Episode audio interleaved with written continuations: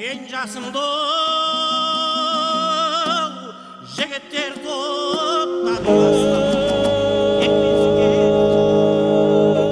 арқалы таудың шыңындай алқалы топтың туындай болған жыршы жыраулар жайлы білгіңіз келсе қошан мұстафаұлының інжу маржан хабарын тыңдаңыздар.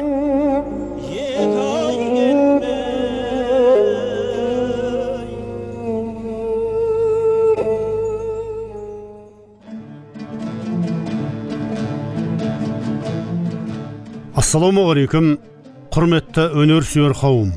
Әуе толқынында інжу маржан ақтулы сіргелі жабай батыр аталатын хабарымыздың төртінші бөлімін тыңдауға шақырамыз. Көп ішінде сөйлеген жас жігіт саған қарасам қаралашын тұйғынсың. Асылыңа қарасам құс олатын қырғисың. Қызыл тілге келгенде сары садақтың оғындай көлденеңдеп зырғисың. Көрмегеннен сұраймын ұруыңды білдірші. Қай ел едің жарқыным? Сөзді жұптап түйдектеп бәйгатындай шұлғисың деп толғанады. Арыз.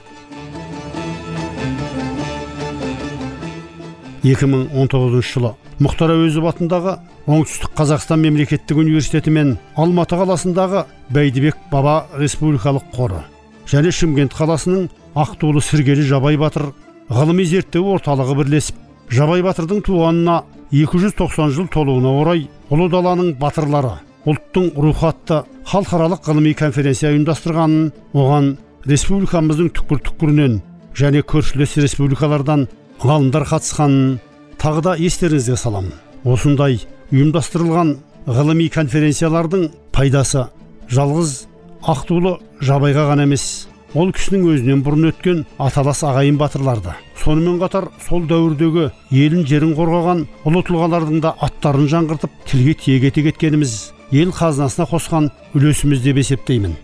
Әрине бұл бүгінгі жастарымыз тыңдарман қауым үшін де қызықты әрі пайдалы болуға тиіс. Хабар жасау барысында біздің де ақтармайтын қарамайтын архив мұрағаттық құжаттарымыз қалмайды. Осы орайда төлтай меңілбайұлының түрік тайпалары және қазақ үйсіндері поэмасынан үзіндіні қазақстанның мәдениет қайраткері халықаралық республикалық жыршы термешілер байқауларының лауреаты домбыра сырнай үш шекті домбыраны жақсы меңгерген кәсіби әнші. Әрі жыршы сыздық жалым мырзадан тыңдаймыз.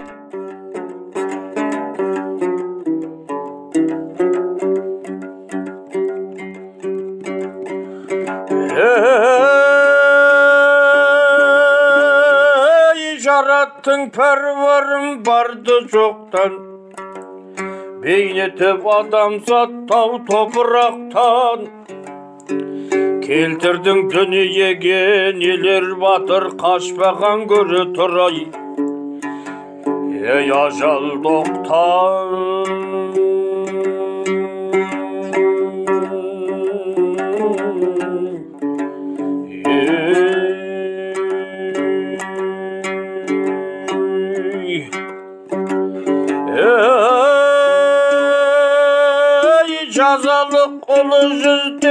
тараған тыңдайтын құлақ болса инабаттан әуелі ұлы жүзден кейкі туып бегәділ бей болып тау.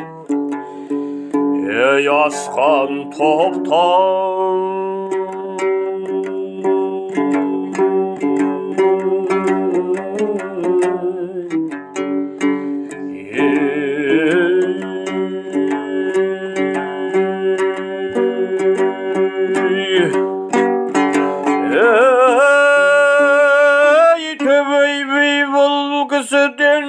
Туып жауына тартып садақ зымыратқан төбейден майқы қоғам қойылдыр мен төрт бала мекірейілмен ей бір қынаптан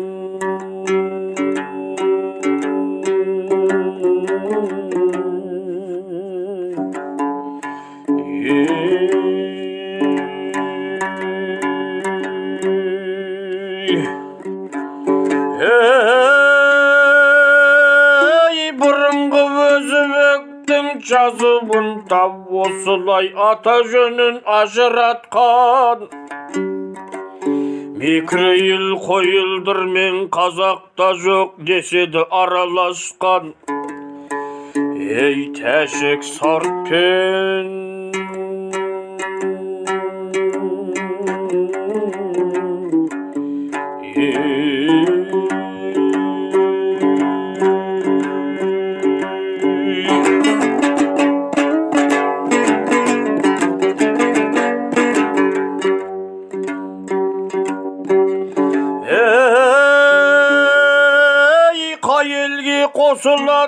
екі ел айырылған бөтен ел боп қазақтаттан қоғамның әйелі әм деседі жұрт қаңлымен шанышқылай екі ұл тапқан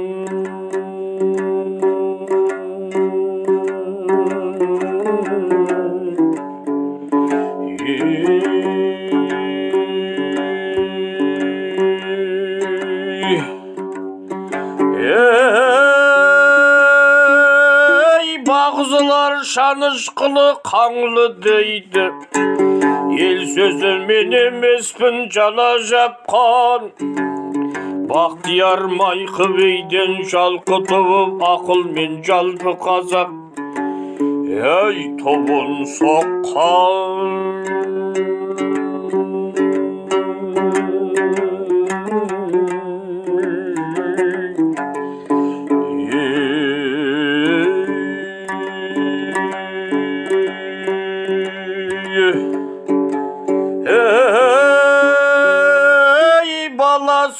бақтиярдың ойсыл үйсін бұларда жүрген жерін ойсыратқан бағзылар азған елдер деп те бұл сөздер ескіліктен ей келе жатқан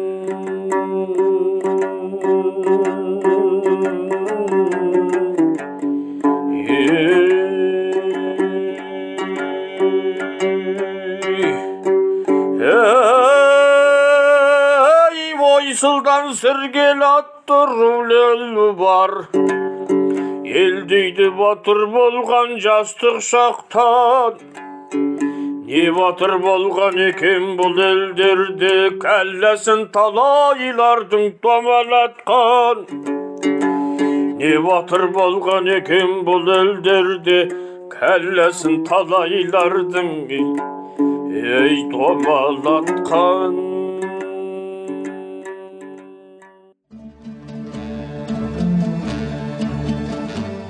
осы жиынның құрметті қонағы қазақстан республикасы ұлттық ғылым академиясының корреспондент мүшесі әл фараби атындағы қазақ ұлттық университетінің қазақстан тарихы кафедрасының меңгерушісі тарих ғылымдарының докторы берекет бақытжанұлы кәрібаев сергелі жабай батырдың 1728 1810 жылдарының тұлғалық қасиеттері атты үлкен ғылыми зерттеу баяндамасын жасаған болатын. Енді ғалымның пікіріне құлақ тұрамыз құрметті бүгінгі конференцияны ұйымдастырушылар және конференцияның қатысушылары мен қонақтары. Жалпы міне тәуелсіздік алғаннан бері біздің елімізде мемлекеттің руханилыққа оның ішіне гуманитарлық ғылымдар бағытындағы саясатын біз көзбен тікелей көріп отырмыз. Міне соңғы тәуелсіздік алғаннан бері біздің елімізде тарих ғылымындағы тұлғатану бағыты жақсы көтеріліп келе жатыр жекелеген тұлғаларды қай заманда болмасын? Ежелгі дәуірден орта ғасыр кейінгі орта ғасыр жаңа заман және қазіргі заман. Бұл жөнінде енді байқаймын. Болашақта онан сайын бұл дами береді. Әсіресе біздің ең бір кенже қалған осы тұлғатанудағы хронологиялық тұрғыдан сол кейінгі орта ғасырлар он тоғызыншы ғасырлар. Өйткені оның өзіндік себебі бар.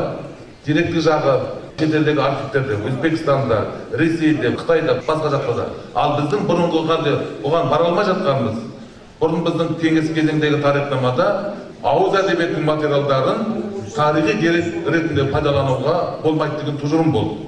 Яғни аңыз әңгіме дастан жыр олардың бәрі тарихи дерек емес соған негізделген тарихшылар бұған бара алмады. Қазір қарап отырсақ деректанудың өзінде халықтың ауыз әдебиетін жақсы жүйелесе жолын тапса әдістемелік жолын білсе бұл да мықты дерек. Міне осы сең бұзылып қазіргі кезде бізде деректерді әсіресе ауыз әдебиеті материалдарын зерттеу арқылы 18-19 ғасырлардағы өмір сүрген тұлғаларымызды тану танып білу зерттеу қолға алынып жатыр. Міне осындай тұрғыдан келгенде 18 және 19-дың алғашқы басында өмір сүрген жабай батырда сол тұрғыдан қазіргі кезде зерттеу қолға алынды. Жалпы тарихта принцип бар. Тұлғаны тану үшін алдымен сол тұлға өмір сүрген заманды білу керек.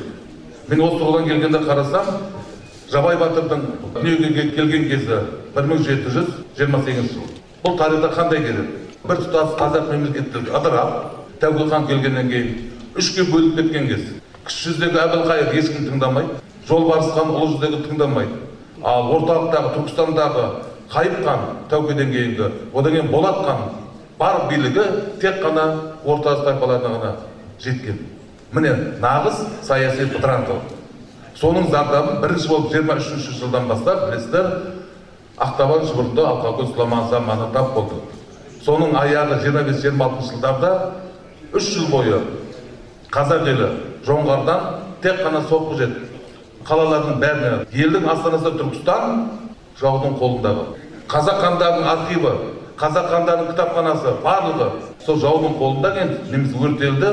Міне осы кездерде аңыратайдың соңғы кезі жиырма сегіз жиырма тоғызыншы жылдар ел алғаш рет қалмақ қырылғанда жаудың бетін қайтарып ел ішінде бірігу идеясы туып жатқан кезде дүниеге біз сөз етіп отқан жабай батыр шыр етіп келген. Одан кейінгі екінші аңырақай дейтін бар. бір мың жеті жүз отыз бір бір мың жеті жүз қырық бірінші жылдар бұл тікелей орта жүзге бағытталған жорық болды. Ол кезде жабай жасынан оның ошақ жағындағы бала әрине үлкендердің не істейді не болып жатқанын міне сол кездің өзінде ол менің ойымша бала болса да жүрегіне қабылдап елдің басындағы ауыр қасіретті көре білді.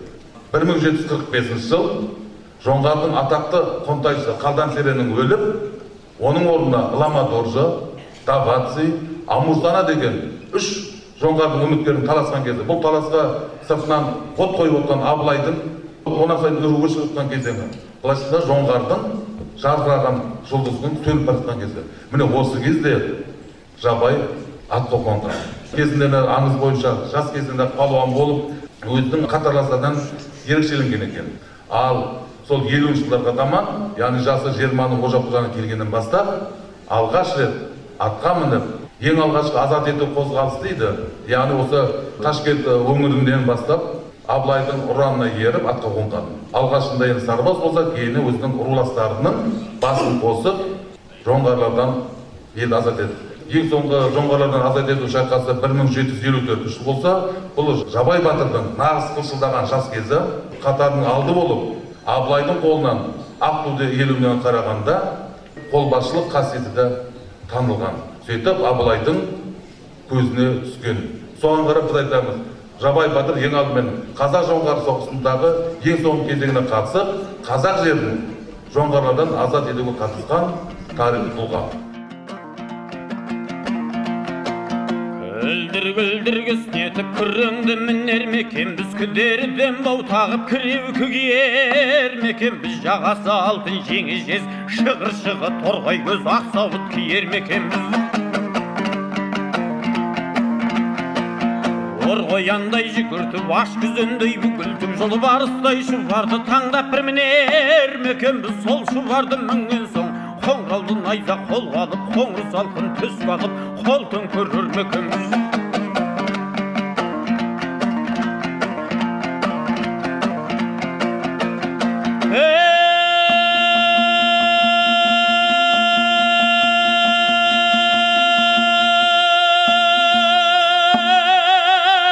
жалаулы найза жаңғалып жауға шығар мекенбіз тобыршақтап әндіген толғайда тартар мекенбіз бір атар мекенбіз жарлауға біткен жапырақ жамылсақ тоңар мекенбіз жазыққа біткен бүлдірген сұғынсақ тояр мекенбіз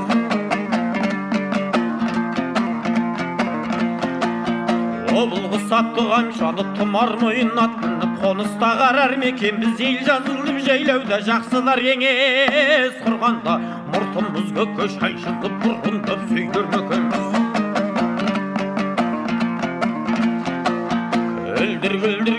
кеснетіп күреңді мінер ме екенбіз күдерден бау тағып қамқапты киер ме екенбіз өзенге бие байлатып төскейге орда орнатып төрт гүлдеп ошақ қаздырып төбел бие сойдырып төменде бидің кеңесін біз де бір құрар ма екенбіз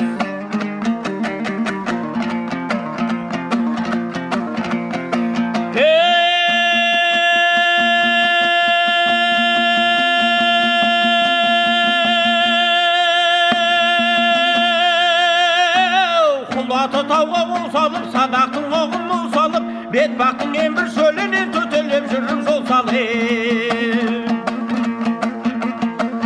қолды бір бастар мекенбіз майданда дабыл қақтырып ерлердің жолын аштырып атасы босқа қалмақты жұртынан шауып тоздырып түйедегі наршасын әлпештеген қаншасын ат артына мінгізіп ол жағылар мекенбіз екінші жабай батырдың тағы бір ерекшелігі бүкіл жоңғарды қырған қытай әскері 1755-56 жылдары абылай ханмен келісе алмай бірден қазақ жеріне енеді. Міне осы соғысқа да ұлы жүздің әскерлерінің құрамында қолбасшы болып барған жабай батыр осы шүршіттермен болған соғысқа қатысқан немесе қытай цин империясының әскерімен.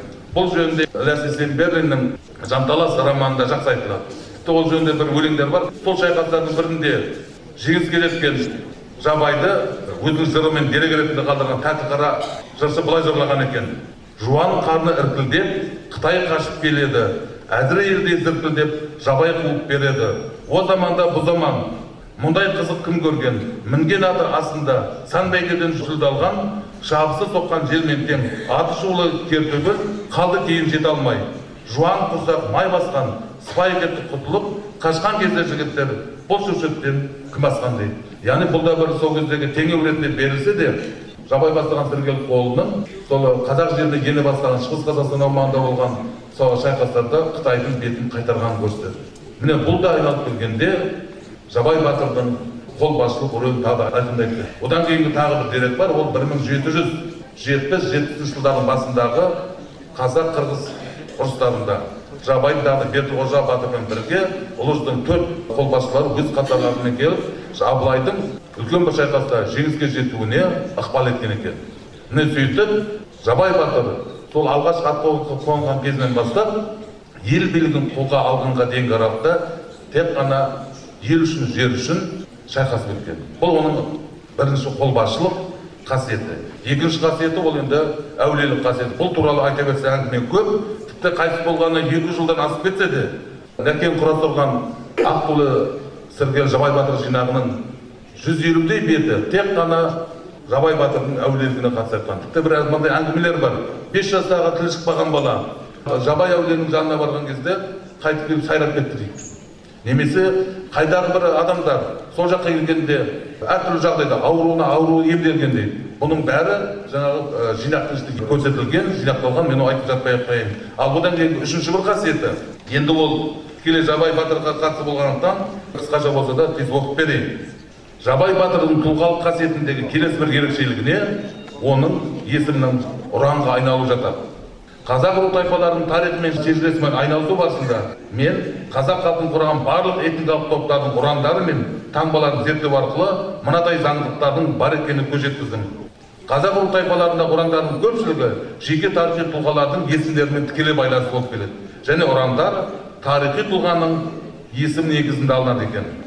Олардың өзін шартты түрде ортақ немесе жалпы және жеке ұрандар деп жіктеуге болады. Мысалы бақтияр ақжол алдияр бәйтерек қабылан қаптағай және тағы басқа ұрандар барлық тайпалық ұлыстарға ортақ. Ал жекелеген руларды тайпаның қарасай бөрібай райымбек бекет бақтыбай ақпан баймұрат төремұрат және тағы басқалар бұлар әрбір рудың немесе нақты аталықтың ұраны. Әр тайпаның ортақ ұраны болса тайпа құрамындағы әр рудың немесе аталықтардың да жеке ұрандары болады екен. Ұрандардың өзі ұрыстарда қолданылатын ұрандар немесе боевой клич дейді және бейбіт күндерде яғни бәйгелер мен әртүрлі сайыстарда қолданылатын ұрандар болып екі топқа бөлінеді. Ал сол ұрандарға негіз болған тарихи тұлғалардың болмысын зерттеу барысында сол тұлғаның бойында кем дегенде үш қасиет болатындығына көзіміз жеткіздік ол қандай қасиеттер? Бірінші тарихи тұлғаның бойында ең алдымен батырлық және қолбасшылық қасиеттер болу керек. Екінші тұлғаның рубасылық көсемдік шешендік ел басқара білу қабілеті болу керек. Ал үшінші қасиетіне тұлғаның көрікпелдік әулиелік ерекше қасиетінің болу жатады екен. Осындай қасиеттерге ие болған тұлғалар ғана өз руының тайпасының ұранына айналады. Мысалы бүкіл қазақ үшін есімі ұранға айналған 14-15 ғасырларда өмір сүрген алаш есімді тарихи тұлғаның бойында жазба деректерде әрі батырлықтың әрі ел билеушілік және әрі әулиелік қасиеттерінің болғандығын көрсетеді. Жабай атаның бойынан да тұлғалық болмысын зерттей келе. Оның бойынан да кем дегенде батырлықтың әулиеліктің және ел басқаратындай қасиеттердің болғандығын көріп отырмыз. Олай болса жабайдың да есімі ұранға болу керек еді. бір мың сегіз жүз тоқсан бір мың тоғыз жүз алпысыншы жылдары өмір сүрген тоқтыбай ақынның өлеңдерінде мынадай жыр шумақтары бар. Қазыбектің баласын жабай датқа дереді бел баласы жабайдың дәулетер датқа боп елдің де қамын жереді бір туысқан ел едік жетада бөрі қараша бәйгатында жабайлап жыл көрдік тамаша дейді яғни бейбіт заманда осы сіргелдің ішіндегі батыр тармағын тарайтын жеті ата бөрі және қараша тармақтары жабайлап ұрандайтын болған бәйгеде. Осылай қорыта келе айтарым жабай батыр есімі тарихи заңдылықтарға сай өз тайпасындағы өз руының ішіндегі бірнеше аталыққа бейбіт күндерде қолданатын ұран болып отыр. Бұл дегеніміз тұлға есімі ешқашан ұмытылмайды және өз халқымен мәңгі бірге жасай береді Евде бір жерде жол қылсам шөлең бір жерде көл қылсам құрап жанды көп жиып өз алдына ел қылсам асқар бір тауды жейлесем желілеп бие байласам күнде жиын күнде той қыз бозбала ойнатсам.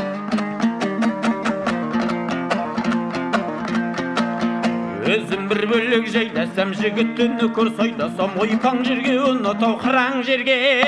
Қырық шатыр қонағымды жайғасам пышақта малым кетпесе қазаным оттан түспесе. Май жемесе қонағым қан жемесе барағым оңдысіге татыса бір кісілік табағым.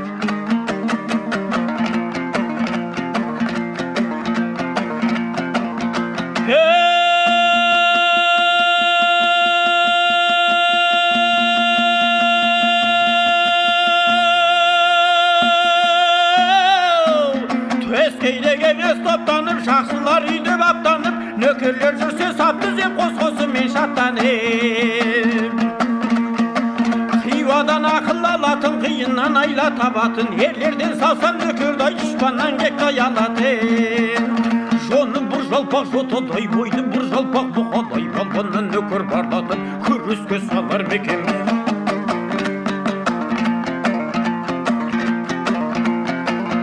Өгірай көктем болғанда дауысы бар азандай желіні бар қазандай жаралы удай ыңырантып жарған мұздай күңірентіп айрауықтың ашық күйіндей боталаған боз інген қайырып боздап күйдентіп азанда қазануда шу ол да бір алсам азамдай. Алғайдың құба жонында жайылған қойым сыйпаса жүз бүркеншік жүз қоспен қатар жүріп жиналса көк көп жылқы көлге бір түссей көз жетпей санап санын алуға есебіне жан жетпей.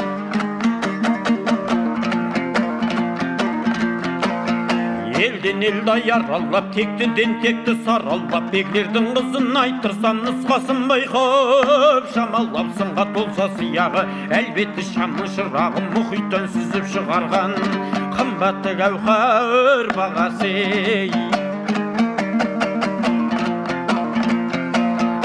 ала берсе тезінен бірлердің бітіп демінен шілтеннің тиіп жылдауы артылып тусой өзімнен осынша берген дәулетте. Көтеріп тұрар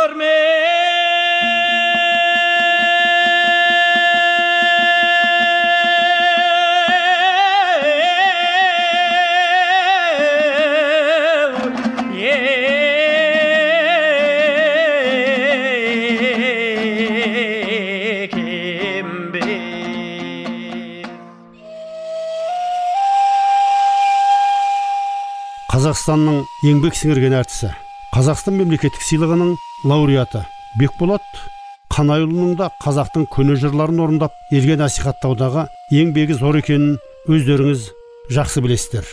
Ақтан берді жыраудың толғауы сол заманның тарихи суреті десек артық айтқандық емес.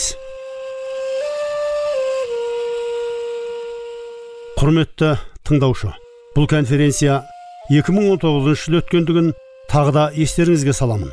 Осы конференцияға арнайы шақырылған қазақстан мұсылмандары діни басқармасының сол кездегі төрағасы бас мүфти серікбай қажы ораз бауырымыз қазақи мінезге бай екендігін көрсете сөйлеген еді.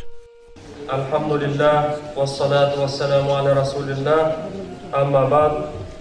Ардақты ағайын, құрметті қауым, конференцияға қатысушылар, халқымыздың салтын сақтап, ата бабаның аманатын ақтап, ұлты үйісіп, ұлысы бірігіп, татулық пен тұрақтылықта ту өтіп келе жатқан оңтүстік өңірі бүгінгі шырайды Шымкент шаһарындағы басқосуға келген барша қауым өз атымнан және еліміздің мұсылмандық киелі шаңырағымыз қазақстан мұсылмандар діни басқармасының атынан мұсылмандық әдеппенен ассаламу алейкум рахматуллахи баракатуху баршаларыңызға алланың амандығыменен тыныштығын тілеймін құдайға шүкір киелі қазақ топырағында аты күллі әлемге мәшһүр тұлғалар мен дін ғұламалары дүниеге келді уақыт өткен сайын олардың тұлғасы мен артына қалдырған рухани мұрасының құны артып өз дәрежесінде бағаланып келеді арғы бабаларымызды ауызға алған әуелі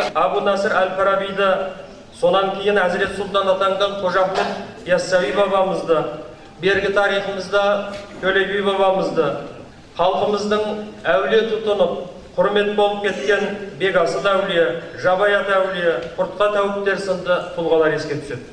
Бүгінгі жиынымызға арқау болған кешегі асылдардың сынығында іспетті батыр қолбасшы жабай бабамыз.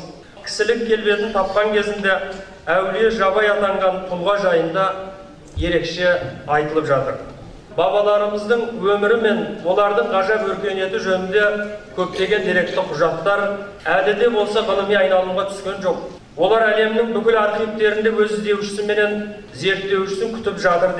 Ұлы дала әл фараби мен яссауи күлтегін мен бейбарыс әз тәуке мен абылай кенесары мен абай және басқа да тұлғаларымыз бен жетістіктеріміздің сол кісілердің шоғыры дүниеге алыпты бүгінгі тарихта біз сол ұлылардың ізгі жақсылардың жалғасы іспетті жетістіктерін мына ұлы даланың ұлы есімдері атты оқу ағарту энциклопедиялық саябағын ашуымыз керек дегенде бастама көтерді осы ретте мен өзім қазақстан мұсылмандарының діни басқарманың бас мүфтиі ретінде жабай атаның өнегелі өмірі мен тұлғасын паш ету мақсатындағы тарихшылармен бірігіп жаңа зерттеу жұмысын жалғастыру керек деп ойлаймын. Екіншіден әулие батыр бабамыздың ғибратты ғұмыры жайлы біздің алматыдағы нұр мүбарак университетінде еліміздегі біздің діни білім ошақтары медреселерімізде ұлы тұлға жайлы тәлімдік дәрістер өткізу маңызды деп есептеймін.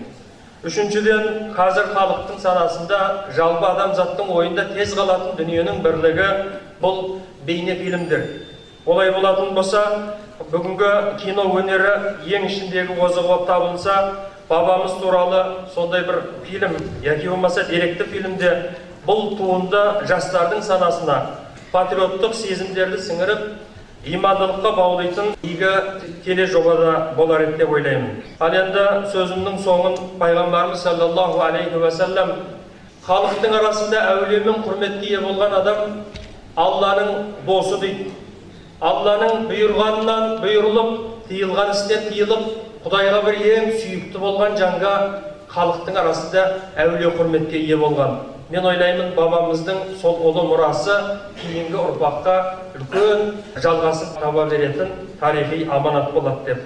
Жақсы адам қоғамға пайдасына тиген адам дейді сондықтан бүгінгі жиналған көпшіліктің негізгі мақсаты осы ұлы мұраны ары қарай ұрпақтың санасына жеткізуде баршамыз атсалысып еңбек ететін болайық. Ұйымдастырушы ағаларға алланың разы болсын. Біз өз тарапымыздан тілектестігімізді айтып елордадан арнайы келіп сіздердің конференция жұмыстарына табыс тілейміз. Алла разы болсын. Рахмет. Баяндамашының сөзінен кейін мәшһүр жүсіп көпейұлының да діни қиссасы бес парызының орайы келген сияқты. Жыршы сыздық жалым мырзаға құлақ түреміз.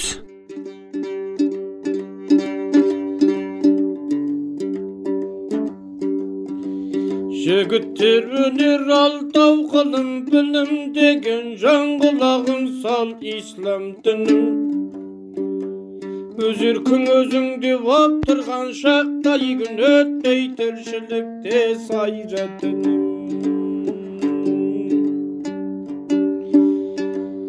исламның бес парызы біреу иман таппайды бұл бесеуін түнде жиған ықтиқат шын ниетпен жұмыс қылып ерлерді айт құдай үшін жанын қиған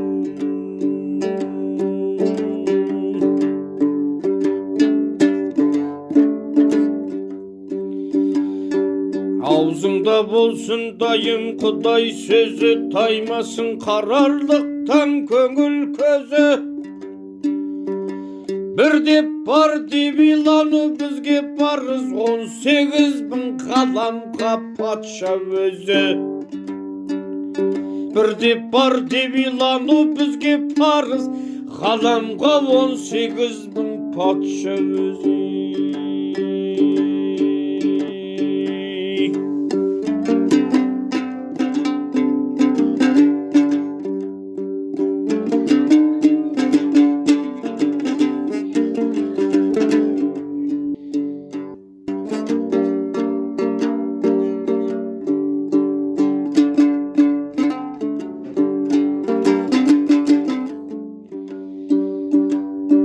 құдайдың шеберлігін көзіңмен көр.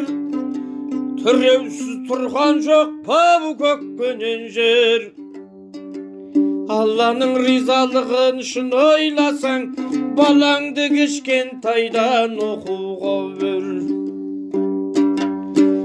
Балаңды оқуға бер жас басынан алланың құр қалдырмай олжасынан жығыбай бұл ғылымның молла бала танай. Төртеуінің бірдей болған ықыласынан жығыбай бұл ғылымның молла бала тана. Төртеуінің бірдей болған ықыласынан.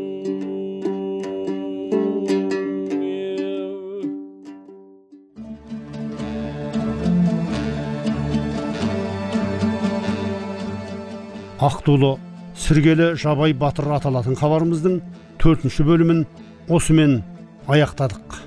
Қатысқан қонақтарымыз тарих ғылымдарының докторы берекет бақытжанұлы кәрібаев. Қазақстан мұсылмандары діни басқармасының сол кездегі төрағасы бас мүфти серікбай қажы ораз. Қазақстанның еңбек сіңірген әртісі бекболат қанайұлы. Мәдениет қайраткері жалын сыздық.